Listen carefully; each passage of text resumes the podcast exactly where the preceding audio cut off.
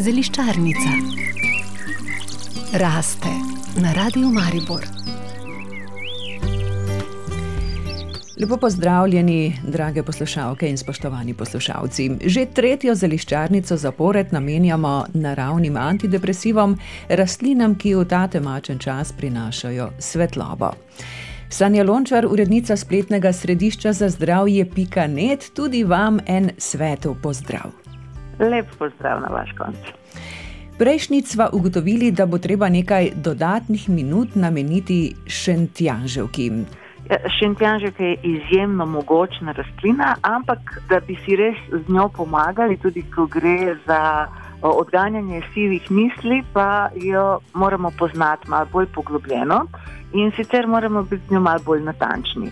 Torej, obstaja zelo veliko rastlin iz tega rodu Hiperikum in v Sloveniji, razen tiste, za katere vsi mislijo, da je šentjanžek, Hiperikum perforatum, poznamo tudi druge različice. Posebej, če gremo malo bolj v hribe, srečujemo zelo pogosto Hiperikum onculatum. Zdaj, sveti zelo podobno, če jih nabiramo za recimo šentjanžekino olje, ki ga potem uporabljamo za nego kože, za kakšne opekline, potem niti ni neke hude razlike, ker hipericin vsebuje ta obe.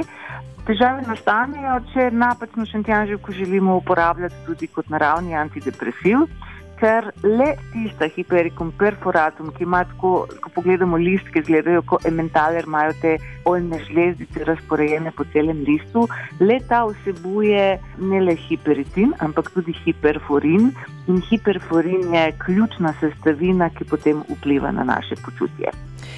Denimo, da ne vemo, kaj smo nabrali, in se bomo odpravili v lekarno po Šentjanževko, eh, kakšno izbrati, kaj zahtevati? No, če izdelke jemljemo v lekarnah ali v specializiranih trgovinah, potem pa poiščemo standardizirane, ki so res narejeni iz hiperikom perforatum. In če želimo z njimi izboljševati svoje počutje, potem posežemo po alkoholnih izlečkih. V Nemčiji je to recimo eno od najbolj razširjenih in celo na recept predpisovanih kur proti blažji ali srednji depresivi. Zdaj, če vedno zelo malo poznamo te pripravke, ampak vseeno dobi se jih in uh, imajo res izredne učinke, ker povečajo, sistemsko povečajo našo povzetnost za srečo, lahko temu rečem, spremenijo notranje nastavitve v možganih. Zaradi tega delujejo veliko bolj inteligentno od drugih antidepresivov.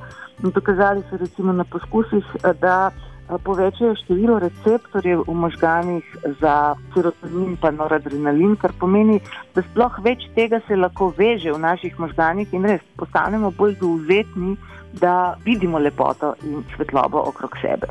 Zanimivo je, da je še ta, Na začetku jemljemo v malce večjih odmerkih, 500 mg do 1000 mg, torej 1 gram na dan, potem pa lahko to zmanjšamo na 300 do 600 in tudi potem se zelo razlikuje od drugih pripravkov, ki zelo hitro začnejo ustvarjati odvisnost in rabimo nekaj povečevati odmerke, da bi dosegli željene učinke. In seveda tretje, kar je zelo pomembno, je, da pri šentjanževki ni teh neželenih učinkov, ki jih eh, številni antidepresivi povzročajo, suho usta, zadrževanje vode in podobno. No, vseeno pa šentjanževka ni tako preprosta za uporabo, ker oralno uživanje pripravkov lahko ustvarja nevarnost fotosenzitivnosti. To pomeni, da bomo dobili recimo fleke in opekline na koži, ko se bomo izpostavljali soncu. Zdaj, v tem času ni te nevarnosti, bolje treba biti pozoren čez poletje. Druga nevarnost, na katero res moramo upozoriti, pa je ta, da šentjanževka um, izniči v telesu oziroma neutralizira številne hormonske pripravke, pa tudi nekatera zdravila. Je zelo dolg seznam zdravil, ki jih šentjanževka onemogoči. Zdaj, Po svoje je ta njena lastnost, da jih z naših celic zmeče van in sposobi vse, kar ni celici lastno in primarno, je super, ker je na nek način tako očiščevalna. Ampak, če moramo imeti določene pripravke ali če uživamo hormonsko kontracepcijo ali kakšna sredstva, recimo za zaviranje odziva imunskega sistema, potem se res treba natančno posvetovati s farmacevtom, preden začnemo uživati v šentjanžiku. Kaj pa, če smo toliko poznavalci in smo nabrali poleti pravo šentjanževko ali jo kupili pri zeliščarju, kaj lahko zdaj si kuhamo čaj ali kaj priporočate? Um, če imamo tudi farmacevtsko gledano, se iz suhe droge dela alkoholni izvleček sicer je graj delami sveže, ampak nekako standardizirana procedura, za katero tudi imamo s kliničnimi študijami potrjeno, da deluje, je, da suho drogo v razmerju 4 do 8 deležev je rastline, en delež je 80-odstotnega alkohola, iz tega naredimo alkoholni izvleček in ga potem doziramo, kot sem povedala na začetku, en mililiter je uh, nekaj 16 kapljic. Torej, če bomo naredili po taki eni standardizirani recepturi, bomo zelo verjetno zadeli približek tega, kar se prodaja tudi kot standardizirani alkoholni izleček. Sanja Lončar, veliko svetlobe vam želim v teh zadnjih decembrskih dneh in lepo zdrav do prihodnjič. No, veliko svetlobe vsem, ki nas poslušajo. Lepo praznik, hvala.